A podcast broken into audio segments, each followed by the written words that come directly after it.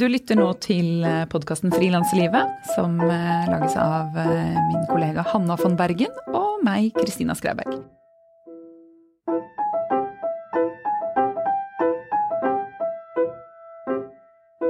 I dag har jeg besøk av Sindre Leganger. Han er eh, en prisbelønnet eh, journalist.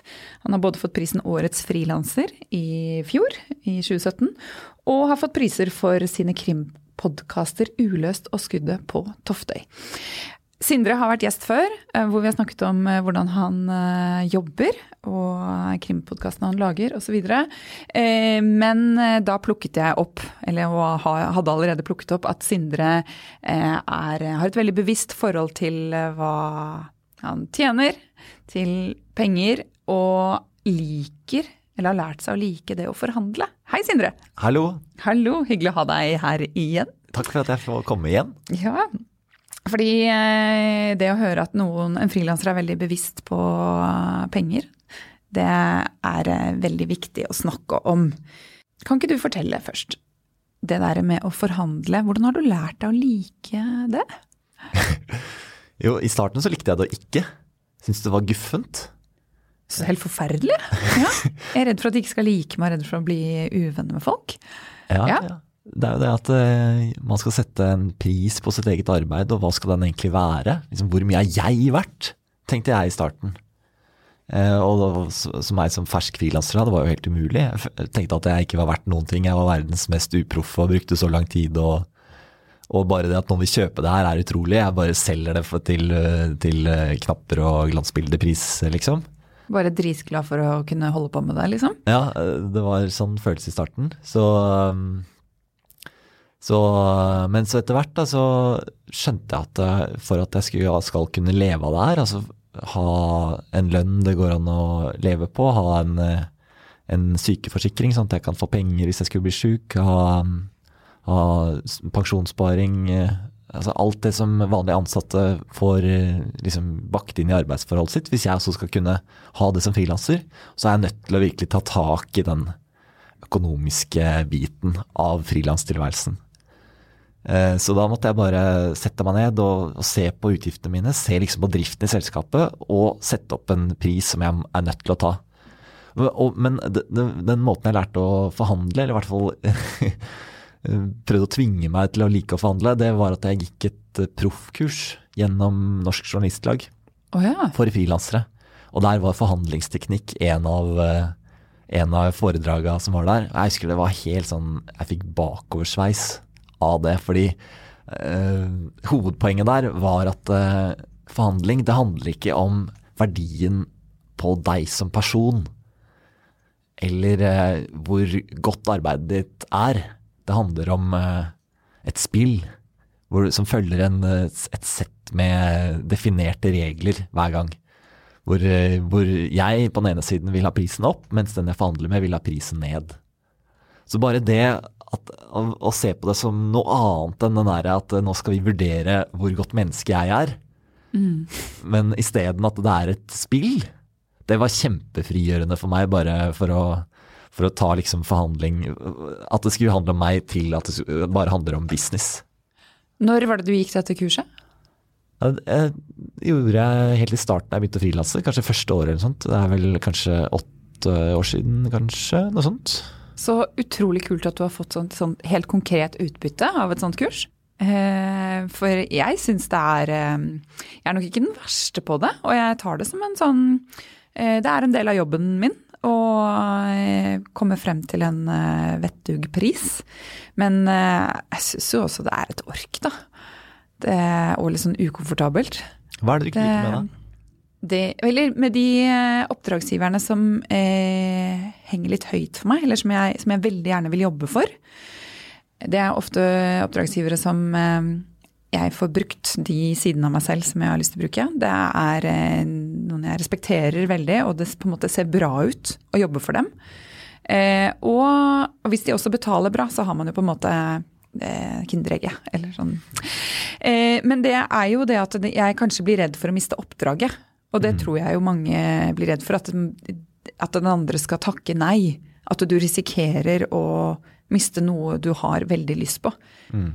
Jeg kjenner at det er jo mye lettere å forhandle eller bare si en litt sånn hårete pris på noe som jeg ikke er spesielt keen på. Eh, jeg, det er mange oppdrag eh, jeg har satt ganske høy pris på, for jeg har tenkt at eh, hvis jeg skal gjøre dette oppdraget, så Altså, jeg har ikke masse tid, men jeg gjør det for denne prisen. Da er det verdt det for meg. Og så, så det er Ja, jeg ser jo det, at det funker jo det òg. Sier man en pris som om man ikke er sånn overkeen, så får du ofte det. Så, så det handler jo kanskje om den der eh, maktubalansen. At du føler at du trenger dem mer enn de trenger deg. Så hvis man kan komme litt den til livs, Ja, ja. og se på seg selv som en ressurs for oppdragsgiveren, og det tror jeg vi var inne på litt forrige gang du var her, at det handler mye om selvtillit. Mm. Ja, ikke sant. Ha selvtilliten til å si nei. Ja, og til å kjenne på din egen verdi. Ja. Med den eh, å tørre å si nei, tror jeg er helt essensielt. For hvis du bare sier ja, så vil du heller aldri kunne presse opp prisen. fordi da, da indirekte da, så viser vi jo til de vi forhandler med at uh, det tilbudet dere gir, det er godt nok. Så vi kan klage så mye vi vil på det liksom i eh, forhandlingsprosessen, men hvis vi sier ja, så er det per definisjon godt nok. Fordi vi har inngått den avtalen. Og den var du med på. Det Ja, Ikke sant? Ja. Den er gått fullt eh, eller inn ble ikke tvunget inn i den. Absolutt. ikke sant? Det er avtalefrihet her og i, i, i landet, og jeg har sagt ja til det her. Så da kan jeg ikke skylde på andre enn meg selv. Da kan jeg, jeg kan klage så mye jeg vil på, på, på kunden da, men, men jeg har jo sagt ja til det, liksom. Så det er, det er jo makten vi har, Ja. ved å si nei. Mm. Da sender vi et signal om at det her var ikke godt nok. Og det er jo kjempevanskelig når det er kunder som, som vi gjerne vil jobbe for, ikke sant. Og så er det kanskje kjempevanskelig igjen når du først starter ut, hvor du ikke har massevis av kunder. Eh, så man vet Altså, så hvis du mister det oppdraget som er altfor dårlig betalt, så var det bedre kanskje enn ingenting. Så hvis det er grunnlaget, det er, da, da er det kanskje ekstra tøft. Mm. Så det er helt klart lettere hvis du vet at det kommer masse annet jeg kan gjøre neste uke eller de neste månedene, eller ja. Ja, ja, det er sant det. Så ja, ikke sant. Det er, det er sant. Men samtidig så tror jeg at eh, Men man må begynne et sted. Man må jo ta eh, Helt klart, man må begynne et sted. Og så tror jeg at alle Det er ingen kunder som eh, Eller alle kunder forstår at eh, vi skal forhandle, at det er en forhandlingsprosess involvert i ethvert salg. Så det å, å gå ut høyt, da tror jeg at det er, det er ingen som er sånn Ingen kunder som bare Nei, han gikk ut så høyt, vi bare skroter det oppdraget her. Vi har ikke lyst på det likevel. Det er ikke det som ødelegger oppdraget, liksom. Hvis, hvis eh, si en avis, da, et magasin, har lyst på ideen din, så, um, så ryker ikke den avtalen bare eh, etter, en, eh, et, etter det første priskravet i forhandlingsprosessen. Altså er, da er de investert i ideen din og har tro på prosjektet ditt og allerede begynt å se for seg hvordan det kan se ut i magasinet. Å, redaktøren har begynt å tegne ut sidene mentalt. De er om bord, så da må vi også ha um, selvtillit på at eh, de faktisk må betale det det koster. Så jeg tror ikke vi skal være så innmari redd for at å nei, nå er jeg vanskelig hvis jeg går ut høyt. Um, det, er, eh, det er bare en del av spillet, liksom. Og så tror jeg man må legge av seg den der eh, ja, ideen om at det handler om man er vanskelig eller ei. Det handler jo om hva man eh, Ja, dette er det det koster. Mm. Det, dette koster det for meg å drive litt, et lite foretak. Mm. Og ja. Ja, ikke sant? Hvis man skal drive over tid, være frilanser proft, så må man jo ha bakt inn alt det sykeforsikring, eh, driftskostnader, kurs, ferier, sykt barn, alt det der. Det må man ha inn i regnestykket sitt, og så må man ta en pris som reflekterer det. Og jeg opplever at eh, når jeg argumenterer med det overfor kundene mine, så er, forstår de også det. Uh, Men ofte så er det jo de man forhandler med, de har ikke noe særlig kunnskap om det å drive, drive egen bedrift. Altså det å være en eh, være frilansere, de, de forstår ikke helt hva, de, hva det egentlig innebærer. Altså de ser på sin egen timelønn og tenker at ok, da må frilanseren få noe som ligner på det. Mens de ser ikke på den timelønna si alt som går av overhead, da, som det kalles. Altså kontorplassen, alt det sosiale, all kursen, feriepengene oppå der, eh, dagene du er syk. Altså det, Mm, det tallet er jo peiling. dobbelt så stort ikke sant? ofte enn en det som står på lønnsslippen. Og Ja. det må prisen vår reflektere. Så der blir det ofte et sånt misforhold, eller det blir sånn Jeg, jeg kan skjønne det òg. Hvis, hvis jeg som en reportasjeleder f.eks. bare får et pengekrav som er dobbel min lønn. Så bare hæ, hvorfor skal den personen få så mye? Ja. Eh, Så da er det også en jobb for oss, tenker jeg, at vi må, vi må argumentere. Altså vi må vise hva det faktisk går til. Når får du anledning til det? Når ytrer du liksom Ja, det er jo eh, i, en forhandling så er det jo eh, Skal vi ta de tipsa som jeg fikk på da jeg gikk forhandlingskurset? Go for it. Mm. Altså Det første tipset jeg lærte, det var at eh, og det å foreslå pris, det er en kjempefordel i enhver forhandling. Du selv skal begynne. Ja, å Mm. begynne. Fordi da setter du rammene for eh, hvor vi skal bevege oss der. Hvis du setter rammen veldig høyt, så, så vil kanskje kunden din da prøve å forhandle den ned. Men hvis du da havner litt eh, liksom, på midten av, eh, av noe som du syns er ok da, liksom litt under det du foreslo, så vil kunden være fornøyd med seg selv, at jeg klarte å forhandle prisen ned. Eh, og, du, og du vil ende opp på en pris du syns eh, kanskje var ok likevel. Men hvis du hadde satt rammen veldig høyt, og du må eh, Nei, rammen veldig lavt, og du må så forhandle den opp, så vil kunden føle at her, var jeg, her gjorde jeg en dårlig jobb i forhandlinga, jeg var ikke streng nok, eller hun fikk altfor godt betalt. Så det, handler, det er et sånn psykologisk aspekt ved det å sette, å sette utgangsprisen, hvor nivået skal ligge. Og den følelsen folk sitter igjen med om nå kommer jeg godt ut av det eller ei. Det er jo det essensielt, ikke sant? Ja. Mm. Å forhandle etter en forhandling hvor du følte du kom godt ut av det, da vil du gjerne gjenta det igjen med den samme personen neste gang. Ja. ja liksom, jeg blir helt hekta på rusen. Ja, ikke sant? Eh, Så det er eh, det derre å Hvis en reportasjeleder spør sånn hva foreslår du, det er sånn at da gir reportasjelederen deg en stor gave. Ja. Eh, Så det der, den må vi bare ta selv. Hver gang vi pitcher, eller hver gang vi får ja, så må vi komme med et tall som, eh, som vi har eh, en slags forankring for da, i, i driftkostnadene våre, eller i, i prisen vi vanligvis tar. Så det jeg pleier å gjøre, er at jeg, jeg har en dagspris i, i år, i, 20, i 2018. 2018 så er den på 4004, og det har jeg regna meg fram til at det trenger jeg for å, for å kunne leve som en vanlig ansatt, egentlig. Ha en ok årslønn. Hvor mye har du i årslønn da? Etter utgifter og skatt? Nei, er, ikke etter skatt, selvfølgelig. Men. ja, etter utgifter da, så tror jeg den er på 530.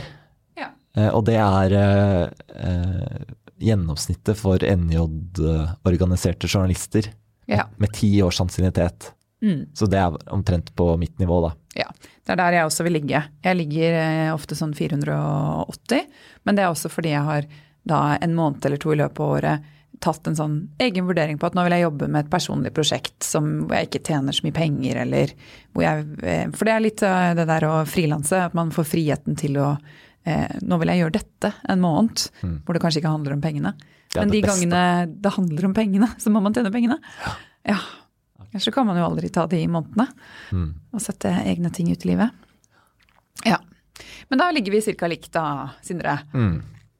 Sant. Skal jeg begynne med var det 4400 Per dag. per dag ut til også Eller til alle kunder. Redaksjonelle kunder. Ja. ja. Ja. ja. Det, det er det jeg tar, da. Det er det du tar. Det er det jeg tar. Eh, og, og, så bra. Men, Ja. men det, det er riktig nok at eh, jeg jobber stort sett bare med lengre prosjekter. Så med lengre prosjekter så, så har du en lavere grad av eh, det som kalles ufakturerbar tid. Altså tid du bare bruker på administrasjon, eller sitter og venter på noe, eller, eh, eller ferie, eller sykt barn, eller alt mulig sånn du ikke, får, du ikke fakturerer en kunde for. Når du har et lengre prosjekt, så går den graden litt ned, fordi du kan disponere tida di litt bedre. Men tar du 4400 også når du lager podkast for uh, A-magasin eller VG eller NRK? Mm. Ja. Så du går ikke litt ned Nei. da? Da må det være noen veldig gode argumenter i tilfelle, som, som jeg også tenker at eh, ok, det der var et godt argument.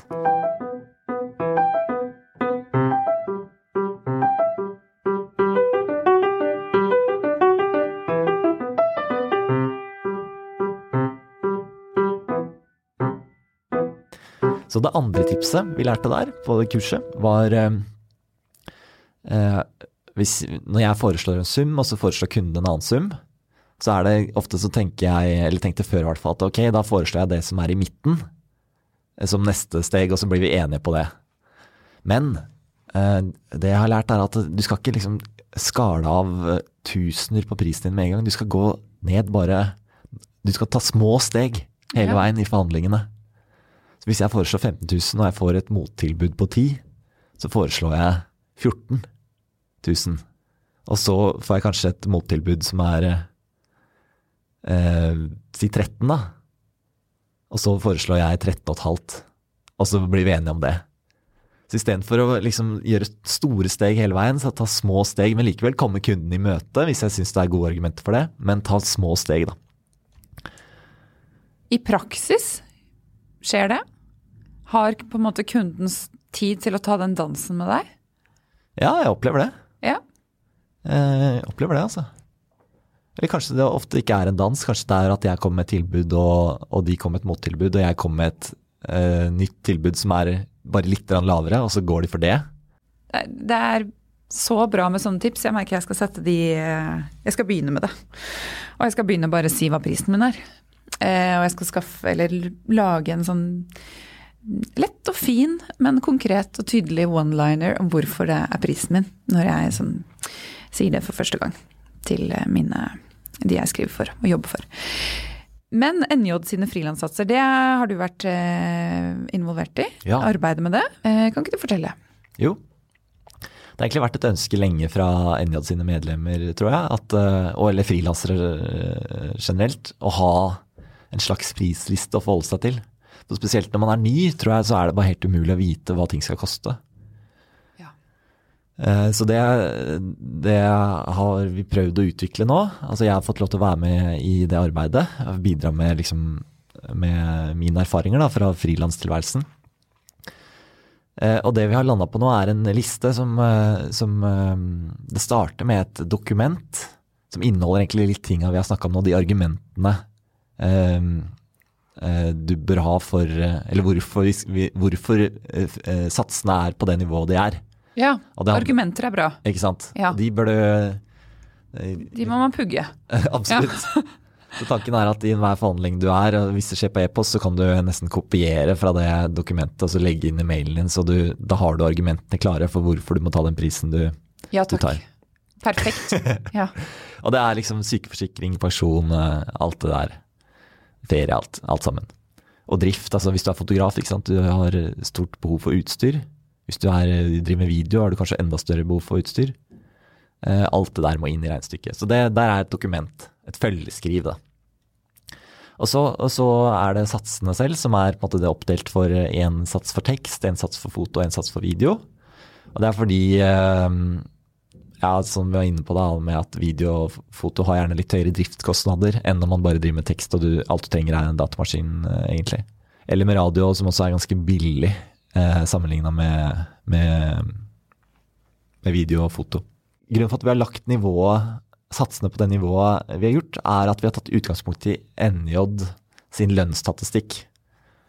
Eh, og sett på hva som er gjennomsnittet, hva den gjennomsnittlige NJ-organiserte journalist tjener og regne oss ut fra det. Og det vi har gjort, er at eh, vi har tatt eh, utgangspunkt i NJ-organiserte journalister som har ti års ansiennitet. Mm. Og grunnen for det er at eh, i hvert fall tanken min har vært at eh, eh, de satsene de er mest til for folk som er eh, ferske. Folk som ikke har så lang erfaring.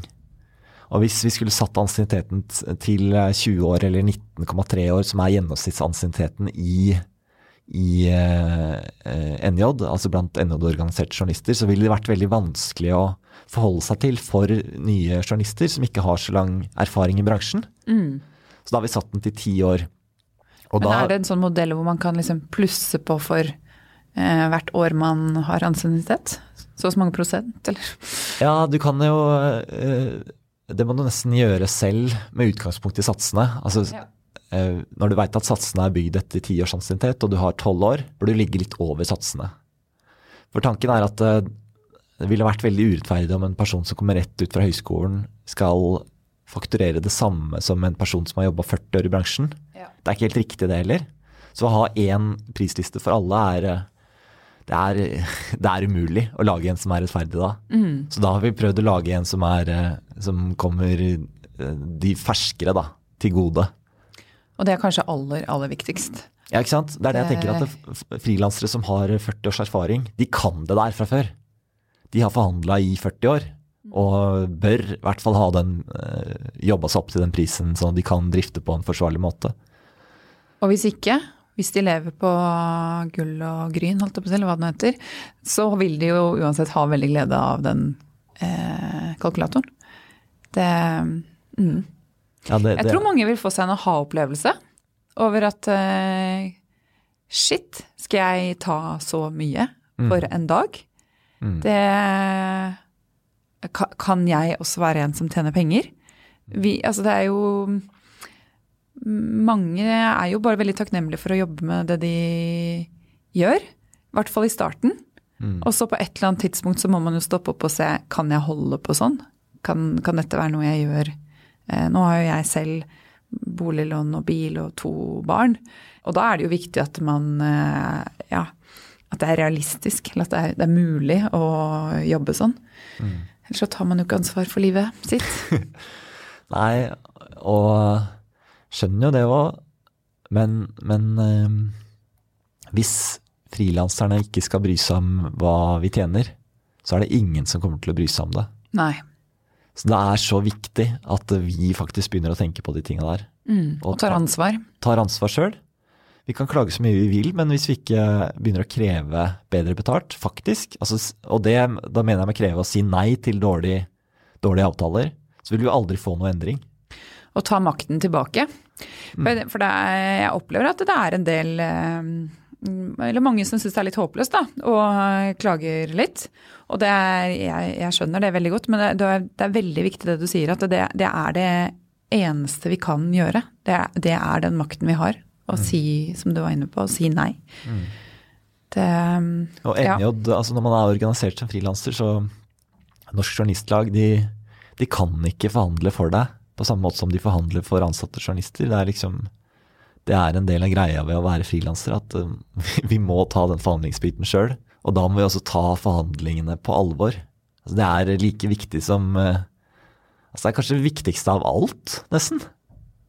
Altså, I hvert fall like viktig som selve skrivinga eller fotarbeidet eller, eller liksom kunst, kunstneriske virksomheten. Da. Det er den pengebiten. Og vi må bare ta det på alvor eh, og bli mestere på det også. Åh, det inspirerer meg. Åh, det, er så, det er viktig å snakke om, altså. Og kanskje viktigste biten her er jo at uh, vi må eh, vi frilansere imellom må slutte å undergrave hverandre ved å, ved å si ja til for dårlige priser. Og tørre å snakke om hva vi tjener og hva vi får av uh, de forskjellige mm. oppdragsgiverne. Ja, i hvert- hvert fall, altså, det er jo litt sånn Det er jo noe juss inni bildet der om at en avtale er i utgangspunktet konfidensiell. Oh, ja, ja. Så du skal kanskje ikke si at eh, akkurat for det prosjektet fikk jeg den summen av den kunden. Men vi kan si til hverandre at jeg, jeg jobber etter den prisen her. Og det er helt lovlig. Det er på samme måte som en person som jobber på Kiwi kan gå inn på Rema 1000 og se hva, de, hva en eh, pose Nonstop koster på Rema, liksom. Så jeg kan si til deg at jeg jobber etter en eh, dagspris på 4004 hver dag. Og det bruker jeg overfor alle kundene mine.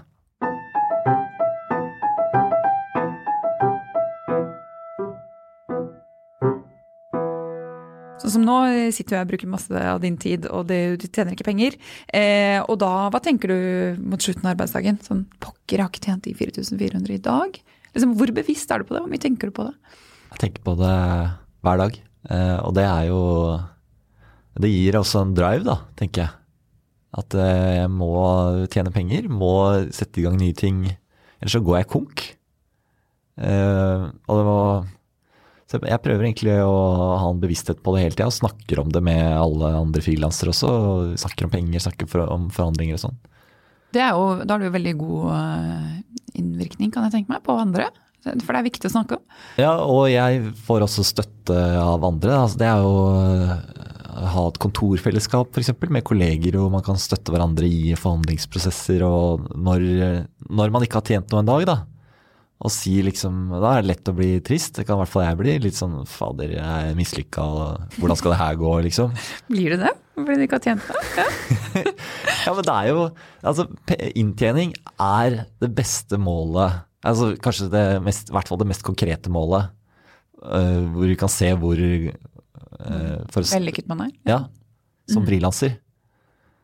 Ehm, så man kan lage verdens beste tekst og kunst og, og radio og TV og, og foto.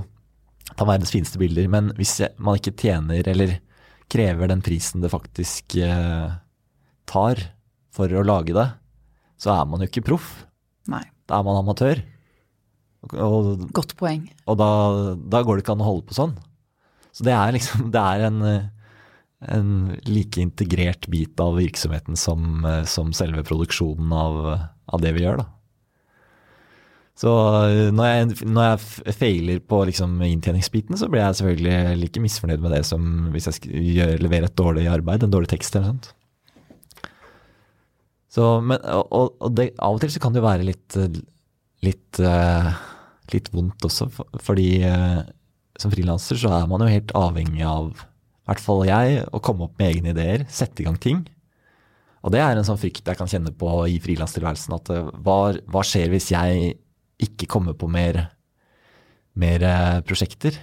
Da tar det ganske kort tid før jeg er konkurs. Men dette med å ha en bufferkonto, eller eh, jeg kaller det det, for sparekonto er mer sånn det er, det er mine sparepenger. Men jeg har alltid vært veldig bevisst på, helt siden jeg startet for nå er det snart ti år siden, å ha en bufferkonto som er eh, Det skal helst være 80 000 kroner der. 60 000 kroner.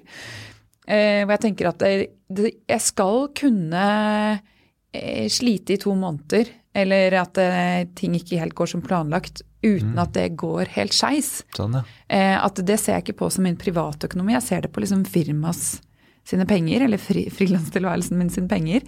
Og at hvis det er noe som skjer, eller noe uforutsett, så, er, så tas det av den bufferkontoen, og den skal opp på samme nivå igjen etter hvert. Sånn, ja. Det hørtes smart ut. Ja, jeg hadde f.eks. et eh, kjærlighetsbrudd eh, for eh, ganske mange år siden. Hvor jeg gikk fra en fyr, eller en, en jeg var sammen med. Og det var liksom januar måned, og det å flytte inn på et kott til en venninne i Det er kjempekaldt og mørkt, og så skulle skape din egen hverdag kan være litt tøft. Og da tenkte jeg pokker heller, jeg drar til eh, Sør-Amerika for eh, bufferkontoen. Og kommer tilbake en måned senere og har det sannsynligvis mye bedre.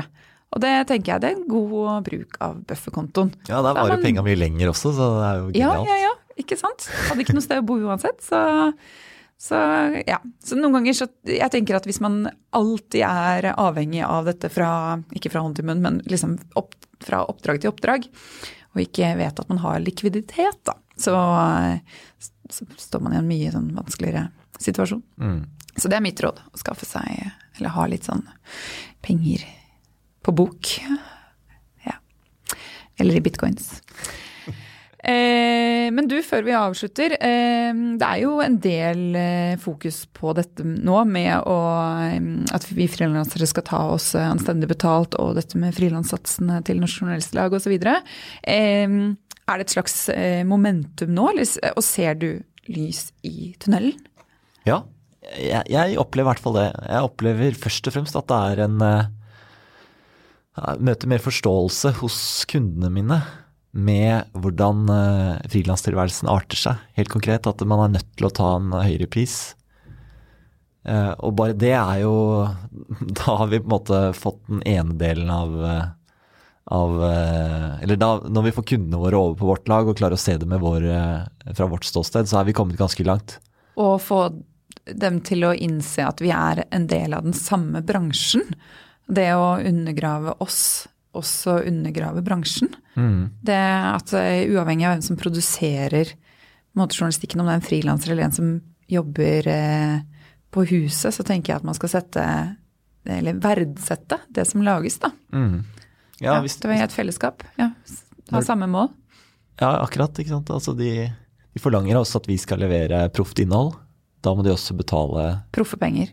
akkurat. Det er, eh, og jeg, jeg, opplever at når jeg sier de tinga til kundene mine, så skjønner det, liksom. Det, det er ikke noe, det er ikke noe hokus pokus. Det er jo Kan vise til et konkret regnestykke, liksom. Så bare ja, ok, nå skjønte jeg hvordan det henger sammen. Den andre biten det er jo å faktisk få frilanserne til å begynne å kreve, kreve de satsene. Ta dem i bruk. Og der opplever jeg at uh, når jeg har fortalt om arbeidet til til kolleger av meg, da, folk jeg møter, så, så ser de at åh, så bra, men jeg kommer aldri til å få det der. Og hvis du går inn i en forhandling med den innstillinga, så har du tapt på forhånd. Altså, man må ha litt selvtillit, og man må kreve. Hvis, hvis ikke engang jeg krever, krever, en pris som jeg kan leve av i forhandling, så vil jeg i hvert fall aldri få den prisen. Altså, jeg må ta det i bruk, må faktisk kreve det, og si nei til de tilbudene jeg får som, eh, som er altfor lave. Enig. Og jo mer eh, du snakker om det, for det gjør du en hel del, eh, og vi snakker om det, eh, jo flere gjør det, forhåpentligvis. Eh, vi andre ser at det er eh, Ja, vi alle må forholde oss til det her. Og vi er noen som tør å si at vi tar 4400 kroner per dag. Mm. Ja.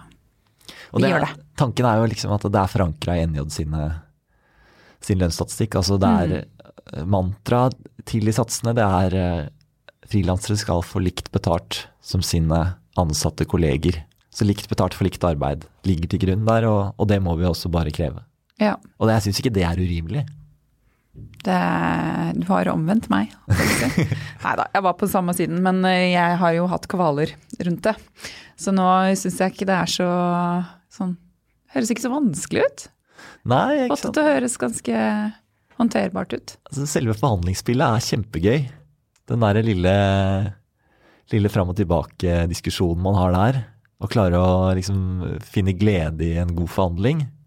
Eh, det er morsomt, altså. Så herlig. så du får et litt sånn Yes! Det, dette fikk jeg til, liksom. Mm. Og jeg forhandler hver gang på alle jobbene jeg gjør. Ok, du tar aldri en pris for en pris, på en måte? Så hvis, det, hvis, det, kommer et forslag til en pris, så, så, forhandler du på den? Ja, hvis jeg ikke Eller omvendt, du setter en pris og forhandler? Ja. Um, altså hvis jeg ser at det, det, her er en god pris, så, så tar jeg det kanskje. Spesielt hvis det er en kunde jeg kjenner fra før. Og vi har på en måte en forståelse. Og man har etablert det allerede, ja. kanskje? Ja. Så, så gjør jeg det. Men um, ellers så jeg bruker enhver anledning jeg kan jeg, til, å, til, å, diskutere litt. og For, for altså, det øvelse gjør mester i det greiene der òg. Jo ja, mer man ja. gjør det, jo, mer, jo tryggere blir man. Og, så um, Herlig. Du er et godt uh, foregangsbilde, eller hva det nå heter. Jeg tror vi skal gi oss, for nå er jeg helt kokt i hodet. Ja. Og jeg tror jeg skal spise lunsj. Og så skal jeg forhandle med en kunde etterpå. Bra. Krev, krev det du må ta. Jeg skal gjøre det. Tusen takk, Sindre. Takk for at jeg fikk komme. Ha det godt.